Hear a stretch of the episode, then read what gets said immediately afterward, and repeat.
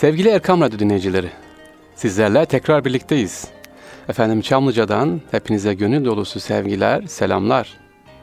Allah hamdolsun yine sesimiz sizlere inşallah ulaşıyor. Bu sesimizin ulaşmasında vesile olan tüm teknik ekibimize, yöneticilerimize ayrı ayrı teşekkürler. Bizleri evinize, arabanıza, mutfağınıza, masanıza konuk ettiğiniz için, çalışma odanıza, kütüphanenize konuk ettiğiniz için sizlere de teşekkürler. Hep söylüyorum, keşke imkanı olsa da bizi dinleyen herkese kulak kirası versek. E, öyle ya, bizi dinliyorsunuz. Kolay değil, zamanınızı harcıyorsunuz. Saygılar, sevgiler diyoruz efendim ve İstanbul'un Sırları programına başlıyoruz.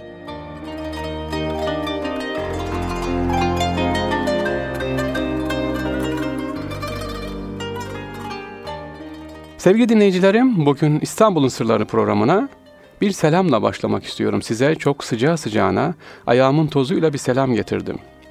Hafta sonu Hakkari'deydim.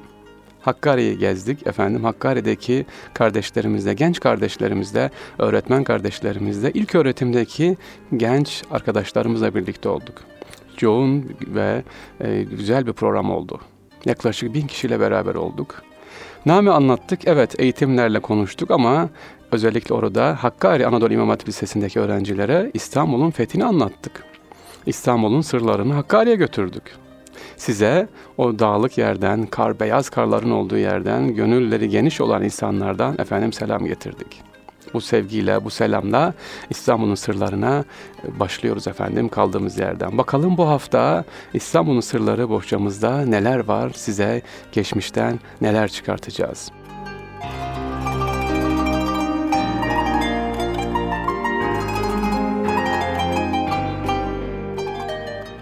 Değerli dinleyicilerimiz, bugünkü ilk programımız Pertevniyel Valide Sultan Camii'ni anlatacağız. Pertevniyel Valide Sultan Camii son Valide Sultan camilerindendir efendim. Yani o dönemden sonra artık başka bir Valide Sultan cami yaptırmamıştır. Nerededir Pertevniyel Valide Sultan camimiz? Aksaray'a giderken Aksaray'da, İstanbul Aksaray'da hemen Vatan Caddesi'ne dönerken sağ tarafta eski İSKİ binasının karşısındaki tarihi camimiz. Ah tabii ki ah diyorum çünkü eskiden o üst geçit yoktu. Üst geçit olmadığı zaman Pertemniyel Valide Sultan Camii tam karşımızdaydı. Net bir şekilde duruyordu. E şimdi üst geçitten dolayı camimiz biraz daha altta kaldı. Bugün o caminin sırlarını belki önünüzden geçtiniz, belki adını duydunuz ama bu caminin bilinmeyenleri nelerdir ya da az bilinenleri ya da duymadık dedikleriniz nelerdir? İnşallah ondan bahsedeceğim kısaca. Sultan II. Mahmud'un eşidir efendim. Sultan Abdülaziz'in de annesi olan Pertevniyel Valide Sultan tarafından yaptırılıyor bu camimiz 1869 ve 71 yıllar arasında. Camimizin banisi Pertevniye Sultan, oğlu Sultan Abdülaziz'in tahta çıkmasıyla birlikte Valide Sultan oluyor ve ondan sonra kendisini hayır hasenata adıyor. İstanbul'a sebiller, çeşmeler ve camiler yaptırıyor. Valide Sultan o kadar kendini buna kaptırıyor ki hemen hemen her günün acaba ne yaptırabilirim diye düşünüyor. Neden mi? Neden hayır senata? Çünkü geldiği yeri biliyor. Bazı kaynaklara göre efendim Valide Sultan'ın yani Pertevniyel Valide Sultan'ın ismi Nalıncı Besime olarak geçiyor. Ne demek hocam nalıncı besime? Efendim kendisi bir hamamda nalın yaparak geçinini sağladığı için tesadüf üzerine padişahın arabasının önünden geçti. Onu gören Sultan Mahmud'unsa e, bu hanımefendiyi saraya çağırdı ve evlendiği söylenir. Gel, geldiği yeri biliyor. Nereden nereye? Nalıncı Besime'den Pertevniyel Valide Sultan her zaman şükür içinde olan bir hanımefendi Pertevniyel. Ne demek hocam? Pertevniyel ışığa, iyiliğe nail olan anlamına geliyor Pertevniyel ismi. Evet, Pertemniyel Valide Sultan 1876 yılında oğlunun ölümünün ardından yani Abdülaziz'in e, öldürülmesinin ardından diyelim kimsesiz kız çocuklarını yetiştirmeye adıyor. Kendisi öldüğünde 70 yaşında ve tarihlerde 4 Şubat 1883'ü gösteriyordu. Caminin yakınındaki türbeye defnedilmiştir kendisi. Ama tabii ondan sonra başından bakalım neler geçiyor bu türbenin efendim. Pertevniyel Valide Sultan Camii Balyan kardeşlerin yaptırmış olduğu özellikle mimarisi farklıdır ee, çok farklı mimar iç içe geçmiştir. Neogotik tasarımlarıyla klasik camilerden oldukça farklı bir camimiz bu Pertevniyel Valide Sultan Camii. İçerisinde özellikle diğer camilerde görülmeyen bir avlu kapısı vardır ki mutlaka görmenizi tavsiye ederim. Görün. Girdiğiniz zaman caminin avlu kapısı diğerlerinden. Mesela Hırkay Şerif Camii'nden. Beylerbeyi, Valide Sultan, Ortaköy'deki camimizden, Dolmabahçe Camii'nden farklıdır kapısı. Farklı bezemeleri vardır. E, görmenizi isterim. Caminin dediğim gibi başka bir özelliği de özellikle içerisinde bulunan bezemeler, kütüphanenin yapılması e, çok özen gösterilmiştir. Fakat maalesef bugün trafikten en çok etkilenen camimiz Pertemniyel Valide Sultan Camii'dir. Çünkü dediğim gibi köprü üst geçidin yapılmasından sonra camimiz biraz daha altta kalmıştır.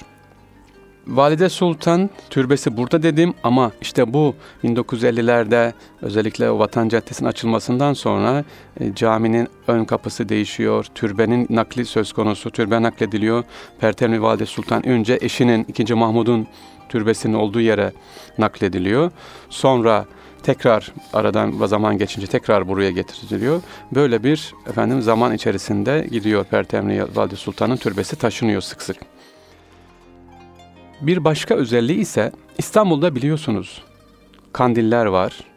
Her camimizde hemen hemen ve mahyalar var.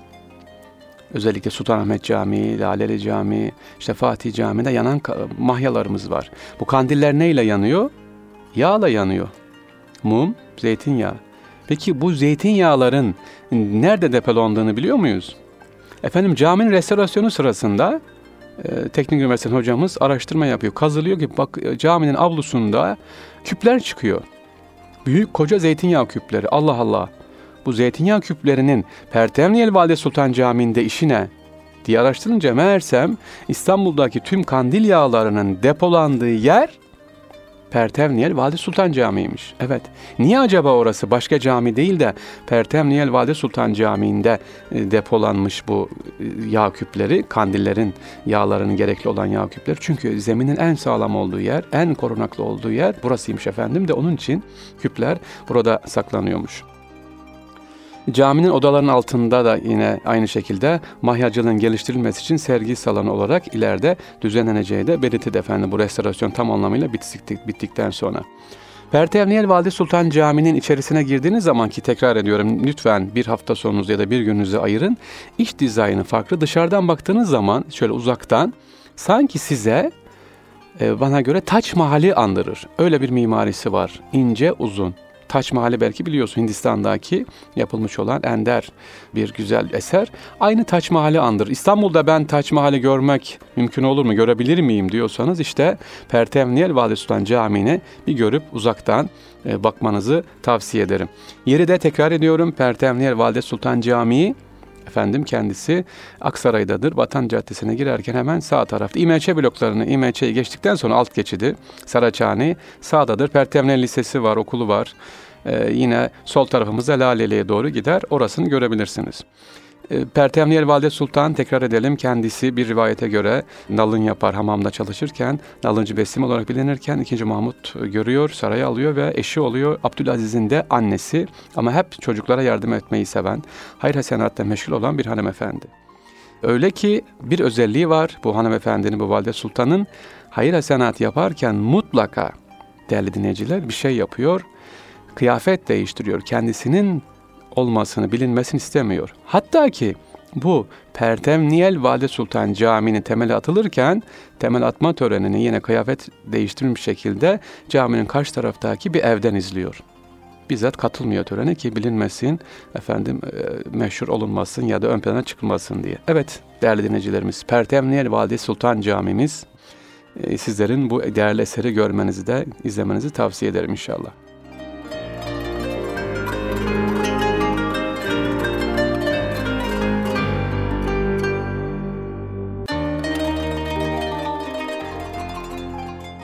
Geçiyoruz değerli dinleyicilerimiz. Şimdi sırada ne var? Farklı bir ibadethane var. Farklı bir eser var. Bu eserimiz Edirne Kapı'da. Ha hocam Edirne Kapı Mihrimah Sultan Camii'ni mi anlatacaksınız? Yok. Onu ayrı bir programda anlatacağım ama Edirne Kapı Mihrimah Sultan Camii'nin olduğu yerde eskiden bir kilise vardı. Evet, bir kilise vardı. Metruk bir haldeydi kilise. İşte bu kilise neden metruk haldeydi? Yıllar önce tabii Bizans döneminde metruk bakılmamış kalmış. Bu kilise bir kayıtlarımıza göre ismi şu andaki ismi Ayayorgi ya da Hızır İlyas Kilisesi diye bilinir. Bu kilisemiz Edirne Kapı'dadır. Hızır İlyas Kilisesi ya da Ayayorgi Kilisesi Mihrimah Sultan Camii yapılırken bakın Osmanlı hoşgörüsüne bakın bu kilise aynı taşlarıyla binasıyla elinde mevcut kalmış taşlarıyla sol tarafa şimdiki hemen Edirne Kapı'daki sol tarafa taşınıyor. Kilise yeniden imar ediliyor, yapılıyor. Ondan sonra Mihrimah Sultan Camii yapılıyor. Şu anda kilise yine vakıflar tarafından restorasyonu yapılıyor. İstanbul'un fethine kadar ayakta kalmış olan bir kilise. Kilisenin 1556 yılında da ilk bulunduğu yerde dediğim gibi Mihrimah Sultan Camisi'nin yapılması üzerine şimdiki yerine taşınıyor ve yine Osmanlı tarafından, Osmanlı Devleti tarafından orası ihya ediliyor. Bu da başka bir hoşgörü. Şu anda ne yapılıyor? 2016 yılındayız. Geçtiğimiz hafta baktım. Yine tadilatı devam ediyor. E, restorasyonu devam ediyor. Yakın zamanda açılacak. Yani Mihrimah Sultan Camii'ne gittiğiniz zaman hemen arkanızı dönün. Şöyle bir bakın. İki ibadethane yan yanadır. Tam orta yere, yolun ortasına baktığınız zaman sağınızda Mihrimah Sultan Camii, sol tarafınızda ise Aya Yorgi ya da Hızır İlyas Kilisesi bulunmaktadır. Bu da bir Osmanlı'nın hoşgörüsü. Onu da hemen e, yeri gelmişken söyleyelim.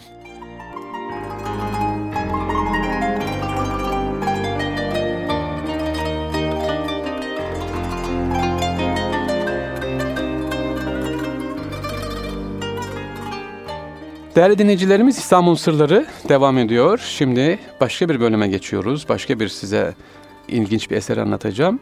Sultan Reşat Türbesi. Evet, Mehmet Sultan Reşat. Sultan Mehmet Reşat Türbesi farklı bir türbe. Yeri nerededir? Önce şunu söyleyeyim. Daha önceki programlarımda anlatmıştım. Eyüp Sultan civarında yani türbenin olduğu yerde hiç padişah türbesi göremezsiniz. Yoktur. E ama bu türbe Sultan Reşat Türbesi nerede? Sultan Reşat Türbesi Eyüp Sultan denize yakın, Haliç tarafındadır. Fesane'ye yakın yani kıyıya daha yakındır. Neden buraya yapılmış efendim Eyüp Sultan tarafında olsaydı ya da yukarıda olsaydı neden? İşte sahabeye olan saygıdan. Bu türbeden dolayı Eyüp Sultan'a olan saygı azalmasın, efendim bu tarafa yönelmesin diye ne yapmış Sultan Mehmet Reşat türbesini e, deniz tarafına yaptırmıştır kendisi. E, farklı bir türbe tarzda yaptırıyor. Şimdi onunla ilgili bilgi vereceğim. Yalnız benim dikkatimi çeken özellikle türbenin giriş kapısına dikkat ettiğiniz zaman Eyüp Sultan Hazretleri'ni gezdiniz. E, yolundan gidiyorsunuz. Sol tarafta bir kapı var. Orası da Sultan Reşat Türbesi'ne giden bir kapıdır. Hatta e, son dönemde Osmanlı ailesinden olan zat kişiler de orada yatmakta da defnedilmiştir. Ama türbenin kapısına baktığınız zaman türbe kapısı oradan değildir. Neden?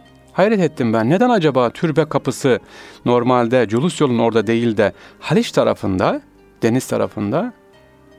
Şu edebe bak görüyor musunuz?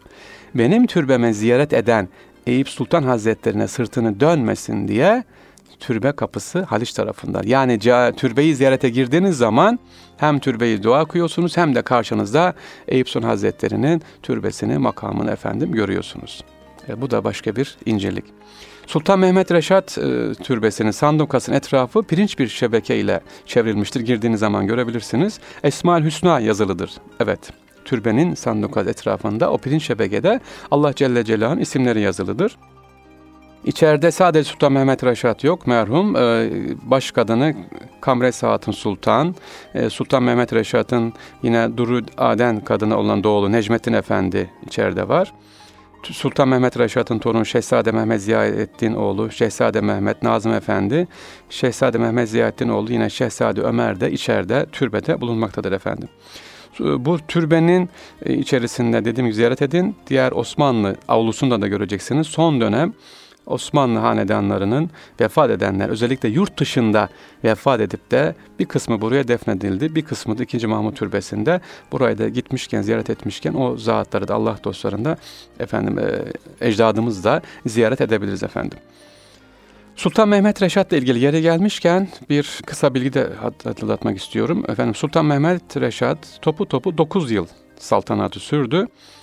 3 Temmuz 1918 tarihinde kalp yetmezliğinden vefat etti. E, bu türbeyi sağlığında Mimar Kemalettin Bey'e yaptırıyor kendi türbesi burası. Aynı zamanda türbenin yanında bir de ilkokul var. Sibyan Mektebi. Şu ilkokul şu anda da burada devam etmekte, e, eğitime devam ediyor. E, bu türbede inşa edilen en son Osmanlı padişah türbesidir.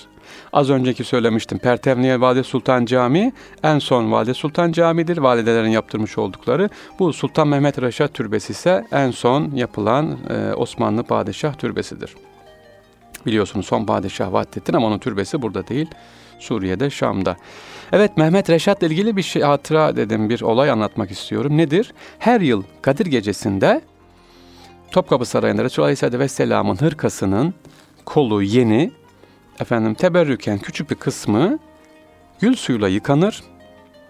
Bunlar küçük şişelere gönderilir ve memleketin değişik yerlerine e, hediye edilir, gönderilir. Ve bu bir törenle olur. Aşı şerif, Kur'an-ı Kerim okunur.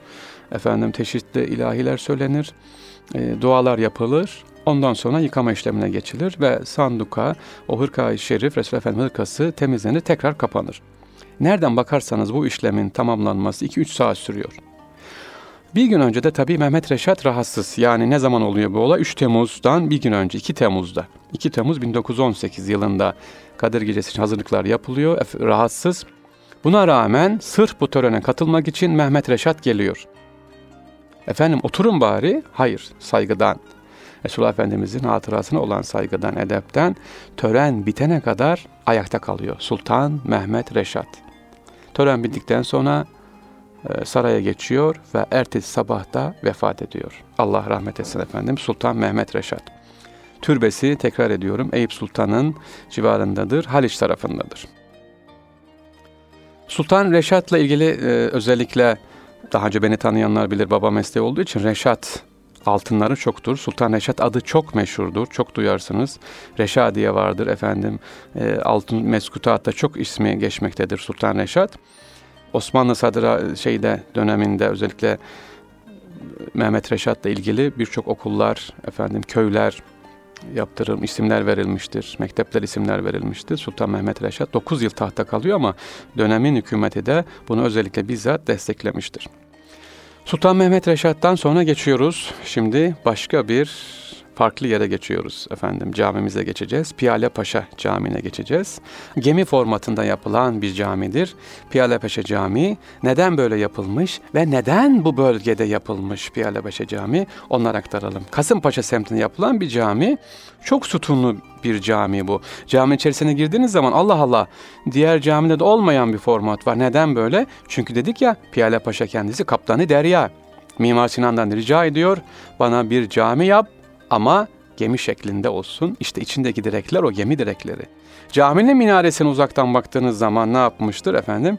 Direklerle desteklenmiş tam ortasındadır. Böyle hani gemilerin olur yelkenli gemilerin ortasındaki o direk gibi minaremizde öyle güzel işlenmiş ki uzaktan veya dışarıdan yukarıdan baktığınız zaman camimiz gemi formatındadır efendim. Ee, çok sütunlu demiştim. Mimar Sinan'ın güzel bir eseri. Altı kubbeli ve dikdörtgen planlıdır. Caminin tam ortasında iki büyük sütuna dayanan kubbelerin ağırlığı duvarlardaki yan direklerle temele iniyor ve camimizin üç tarafı da kemer ve tonozlarla kaplı. E, minaresi bunların tam üzerindedir. Sebep de dediğim gibi Denizci Piyale Paşa tarafından Mimar Sinan'a özellikle bu şekilde e, tavsiye söyleniyor ki gemi şeklinde yapılsın diye. Piyale Paşa camimizin de yine baktığımız zaman içerisinde çok güzel eserler var ama ondan önce biraz dışarısından bilgi verelim ve Mimar Sinan'da e, Kaptanı Derya Mehmet Paşa'dan, Piyale Paşa'dan bilgi verelim. Mimar Sinan kendisi diyor ki neden Kasımpaşa? Çünkü bu bölge o dönemde tam yerleşime açık değil. İstanbul'un dışında uzakta bir yer. Bizzat Mimar Sinan'ın bu bölgenin de açılmasını, bu bölgenin de özellikle imara açılması için böyle bir külliye yapılmasını istiyor. Önce camiden başlanıyor. Türbe var, cami, efendim çarşı var, hamam var. Sebilden kurulu büyük bir külliye burası. Düşünün. Şimdi de gittiğiniz öyle zaten. Piyale Paşa ortada. Kasımpaşa'da ama o devirde etrafında hiç kimse yok. Hiçbir yerleşim yok. Etrafında külliye yaptırıyor, çarşı yaptırıyor. Efendim mektepler, tekkeler var hatta Sibya Mektebi var. E, büyükçe bir külliye. Bu böyle bir bak gemiye benzeyen tarihçe Türkiye'deki tek camidir. Yani gemi formatında yapılmış tek cam ve etrafında çarşı olan bu kadar büyük bir külliye olma özelliğinde hala bugün de başka bir yer almış değil. Ee, neden Kasımpaşa yapıldığını söylemiştim. Burası diğer ayıran özellikler özellikle kendisi bu yerin daha da ünlenmesini, genişlemesini istiyor. Halk niye buraya gelmiyor? Buraya yerleşmek istemiyor bu bölgeye. Çünkü sel var. Sık sık sel alıyor. Yerleşmek istemiyorlar. Piyale Paşa ne yaptırıyor? Bu seli önlemek için dere açtırıyor. Hatta daha önce ki Osmanlı dön son döneme kadar buraya kayıkla geldi efendim söylenir o derenin yolundan. Haliç'ten bu Remiz'den bu tarafa Kasımpaşa'dan içeriye kayıkla gerildi. Camiye kayıkla da girebildi. E, kaynaklarımıza geçiyor. Zamanla bu dolmuş, kapanmış tabii. İşte Piyale Paşa Mimar önce bu sel yolunu temizliyor.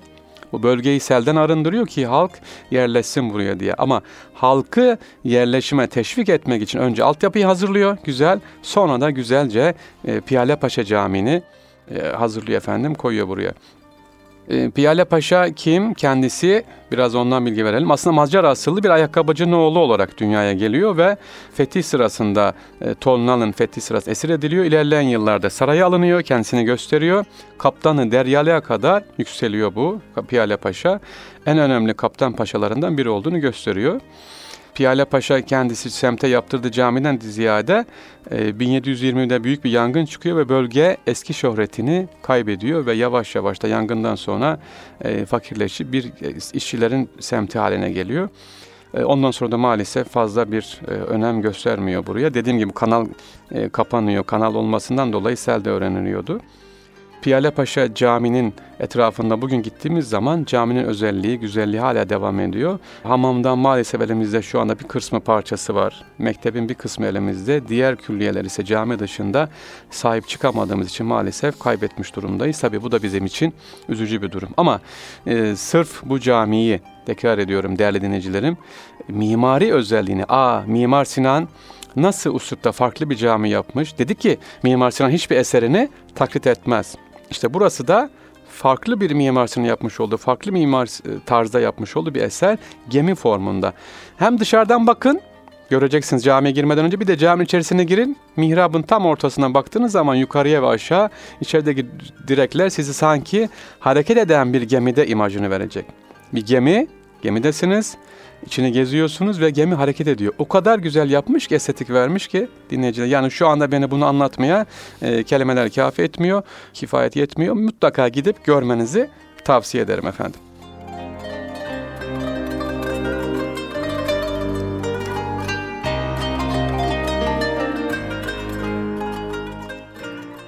Evet, Piyale Paşa Camii'nden geçiyoruz. Başka bir yere geçeceğiz. Efendim, şimdi sizlere Mahmut Şevket Paşa'yı anlatacağım. İstanbul'un özellikle Hürriyet Anıtı'nı anlatacağım. Onunla ilgili bilgiler Talat Paşa, Enver Paşa. Biz bunlara gireceğim. Yani İstanbul'da böyle açık hava tarih müzesine böyle gezmek istiyorum. Nereye gideyim derseniz değerli dinleyicilerim. E, şimdiki şehit Mehmet Selim Kiraz'ın e, adliyesinin olduğu yerin, adliyenin hemen arkasında İstanbul Adliyesi'nin. Bu arada tabii şehidimizi rahmetle anlıyoruz. Şehit savcımız Mehmet Selim Kiraz'ı Allah rahmet etsin. İsminin verildiği adliyenin hemen yanında İstanbul'un meşhur Hürriyet Anıtı vardır. Ve çeşitli mezarlar vardır. Üsküdar'dan ya da karşıdan gelirken birinci köprüyü geçince Edirne Kapı'ya giderken sağ taraftadır burası. Görürsünüz uzun bir anıt. Parkta var. Çoğumuz görürüz ama acaba hiç gittik mi? Hiç ziyaret yapıldı mı? Ya da neler var? Niye burası yapılmış? Ben diyorum ki burası İstanbul'un yani son dönem İttihat'taki e, işte Mehmet Reşat Vahdettin döneminin eğer görmek istiyorsanız ya da Abdülhamit Han'ın son dönemi 31 Mart vakası bir ders tarih dersi nasıl anlatılır? Ee, ben olsam çocukları alır, gençleri alır buraya. Tarih dersini burada anlatırım. İttihat Terakki nedir? 31 Mart vakası nedir? Abdülhamit Han nasıl tahttan indirilmiş? Burası Hürriyet Anıtı'nın olduğu yer, Şişli'deki bu yeri bizzat gezerek, o tarihi yaşayarak anlatılır.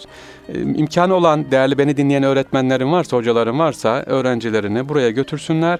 Son dönem tarihini, Osmanlı tarihini burada hele hele 31 Mart, 1 Mart vakasını burada canlı olarak efendim eserleri görerek anlatsınlar. Ben önce Mahmut Şevket Paşa türbesini anlatacağım. Hürriyet anıtın içerisindedir efendim. Mahmut Şevket Paşa türbesi. E kimdir Mahmut Şevket Paşa? İstanbul'un Şiş ilçesinde Abide-i Hürriyet Meydanı içerisinde anıtın yaklaşık 40 metre kuzeybatısında inşa ediliyor burası. Son dönem Osmanlı sadrazamlarından birisidir burası. 31 Mart e, ayaklanmasında e, ölenlerin anasına yapılıyor burası.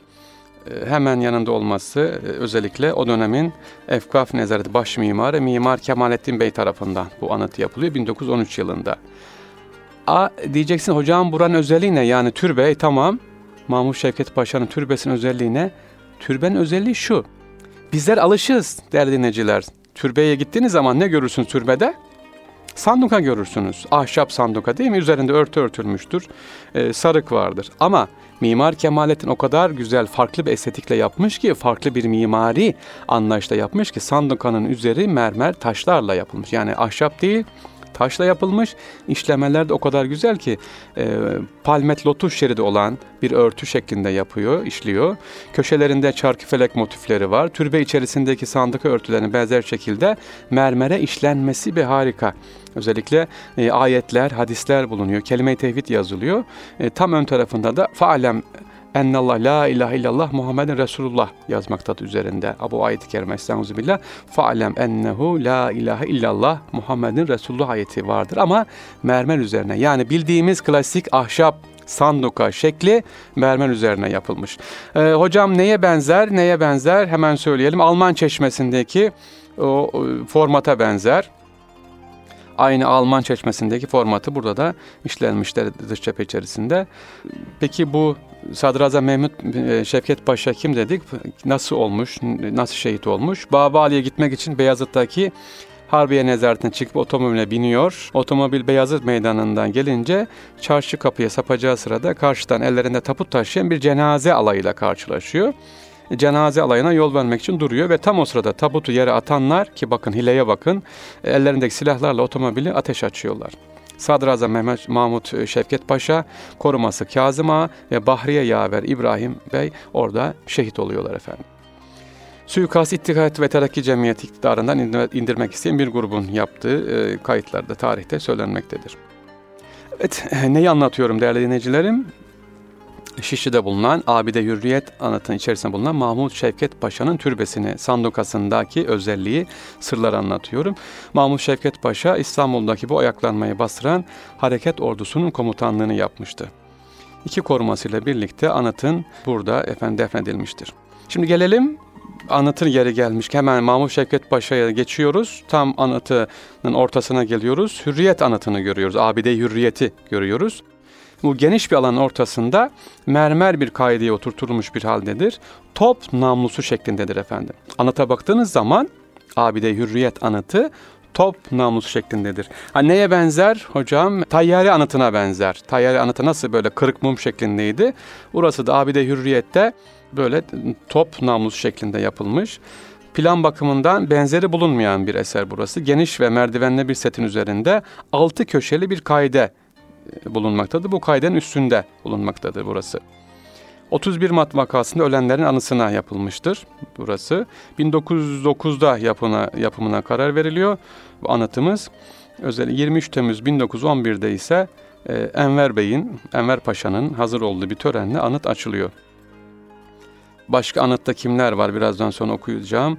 E, Ahmet Muhtar, Deniz Binbaşı, Salih Üsteğmen Bekir ve 68 er burada defnediliyor efendim burada.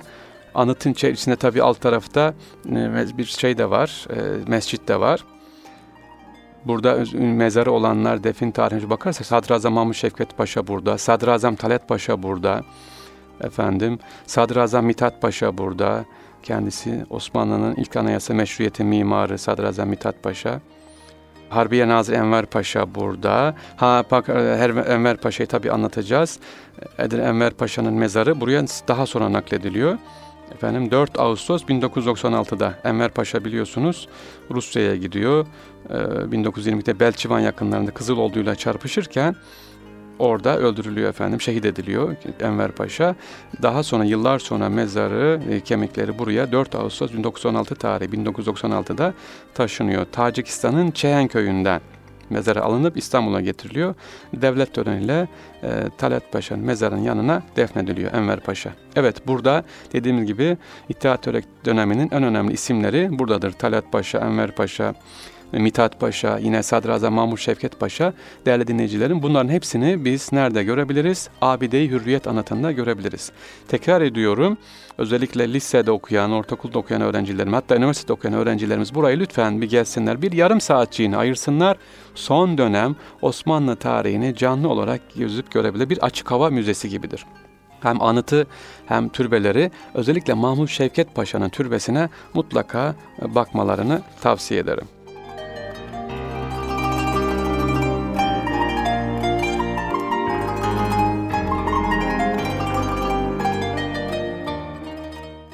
Burada başka bir konuya geçeceğim şimdi efendim. Sultan Hamid Hazretleri'ne bahsedeceğim. Onun bir özelliği var. Bir dostumuz sormuştu hocam Sultan Hamid, e, Abdülhamit ve Türbedar hikayesini anlatır mısınız? E şimdi yeri geldi. Ondan biraz bahsedeyim. Sultan Abdülhamit ve Türbedar, Yavuz Sultan Selim'in türbesi Fatih'teki Yavuz Sultan Selim Camii'nin avlusunda bildiğiniz gibi. İkinci Abdülhamit Han döneminde yaşanan bir olayı sizlerle paylaşmak istiyorum değerli dinleyicilerimiz. Bu türbedarın e, fakir bir kardeşimiz beyefendi, hanımı da hamile. Bu hamile hanım bir sabah diyor ki efendi türbeye gidiyorsun canım kiraz istiyor. Akşam gelirken bir kilo kiraz da al gel diyor. Tabi hani buna ne der aşerme denir ya. Bu türbedarımız da gidiyor tamam diyor ama para yok, imkanı yok. O zaman kiraz tabi Mersim'in farklı bir mevsimi çok da pahalı. Akşam eve geliyor, eli boş geliyor. Hani kiraz almadın mı diyor soruyor eşi. Boynunu büküyor. Hanım bugün işim çoktu. E, ayrılamadım, çarşıya gidemedim diyor. Mazeret bildiriyor. Ertesi gün sabah oluyor. Hanım diyor ki ne olur diyor kiraz unutma diyor. Böyle ikindi üzere kendi kendine düşünürken elindeki süpürgenin sapını Yavuz Sultan Telim türbesinin sandokasına böyle tık tık vuruyor. Diyor ki, ey koca sultan bunca senedir hizmet ediyorum sana. Hiçbir himmetini görmedim. Hanım hamile. Bir okka kirazı dahi alamıyorum. Ne olur himmet etsen de şu fakirlikten kurtulsam bir kiraz alsam ya diyor. Artık demek ki türbedarın canına tak demiş ki. Bu sözü de sitem içerisinde söylüyor. Eve gidiyor. Özellikle ne yapıyor? Tabii yine üzgün, mahcup, ele boş geliyor. Hanım tekrar kiraz deyince üçüncü gün diyor ki inşallah alacağım diyor ama birden üçüncü gün türbeyi oturmuş beklerken türbenin önüne bir araba duruyor. Araba tabii saraydan geliyor. Çok heyecanlanıyor. Koşa koşa gidiyor. Fayton gönderen Yıldız'dan geliyor. Abdülhamit Han gönderiyor faytonu. Bu türbedar sen misin efendi diyor. Benim efendim buyurun diyor. Saraya gidiyoruz buyur diyor. Ama ben ne yaptım ki yanlış olmasın ben buranın türbedarıyım diyor. Temizliğine bakıyorum diyor. Yok yok diyor. Sultan seni görüşmek istiyor gel diyor. Eli ayağı birbirine giriyor türbedarın. Aman Allah'ım ben ne yaptım diyor. Şaşırıyor bir taraftan da korkuyor tabii. Eli ayağı dolaşarak faytona biniyor. O hali düşünsenize. Ve uzatmayalım Abdülhamit Han'ın huzuruna çıkıyor. Ecdadımız Yavuz Han Selim Han'ın türbedarı sen misin diyor. Evet sultanım benim buyurun bendenizim diyor. Söyle bakayım dele, dedem Yavuz'un türbesinde dün neler oldu? Bir şey olmadı efendim. Şaşırıyor türbedar. Çabuk söyle diyor Abdülhamit Han tekrar soruyor. Titremeye başlıyor ve ha dünkü olayı hatırlıyor. E, efendim diyor e, hanım diyor hamile diyor iki gündür kiraz istiyor alamadım. En sonunda dayanamadım elimdeki süpürgeyle sandıkaya vurdum. Bunca senede hizmetiniz ediyorum. Bir kilo kiraz bile alamadım diyor. Sitem ettim diyor. Affınızı istirham ederim diyor. Abdülhamit Han anladım diyor ve hemen çıkarıyor kendi kese yumayından bir kese altın atıyor önüne. Bir daha böyle bir şey olursa cennet mekan dedemi rahatsız etme. Sen dün orada böyle yaptın. O da bana gece sabaha kadar benim başıma vurdu. Beni uyutmadı. Niçin benim türbedarımla meşgul olmazsın diye beni azarladı. Bir daha sıkıntı olursa bana gel diyor. Ve Abdülhamit Han işte orada bir başka çalış sadece bu türbedara değil bir karar daha alıyor. Tüm türbedarların maaşın artırılması için. Evet böyle ilginç bir olay da var efendim. Bunu bir değerli dostumuz hocam lütfen radyoda anlatır mısınız diye söylemişti. Yeri geldi anlatıyorum sizlerle paylaşıyorum. Türbedarlı maaşların tabii hepsinde artırıyor. iki katına çıkıyor maaş zamlarını yapıyor. Yavuz Selim Türbesi nerededir efendim? Yavuz Selim Fatih semtinde Yavuz Fatih ilçesinin Yavuz Selim semtindedir. Yavuz Sen Selim Camii inşallah başka bir zaman yine anlatırız. Özellikle Yavuz Selim Türbesi'nde neyi görürüz? Mutlaka gitmeniz istediğim şey nedir efendim? Sandukayı görürseniz orada ne vardı? İbn Kemal'in atının ayağından çıkan e, çamurlu kaftan vardı. Onlar daha önce sergileniyordu. Şimdi yeniden inşallah konacak. O Yavuz Selim Han Türbesi'nde görebilirsiniz inşallah.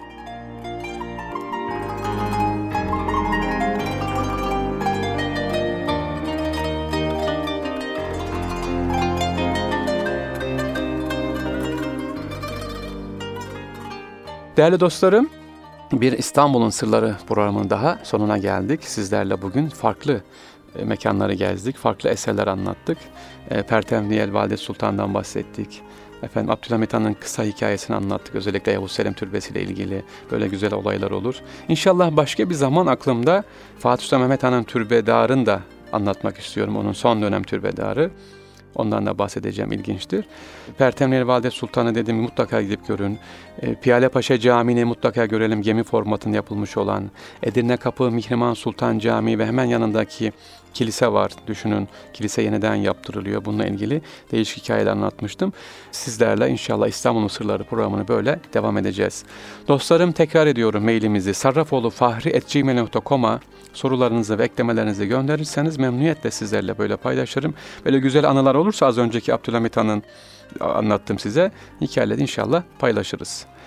Haftaya başka bir programda başka konularla birlikte olacağız. Bana zaman ayırdınız, bizlere zaman ayırdınız, radyomuzu konuk ettiniz. Hepinize teşekkürler, saygılar. Haftaya görüşmek üzere. Allah'a emanet olun efendim. Hoşçakalın.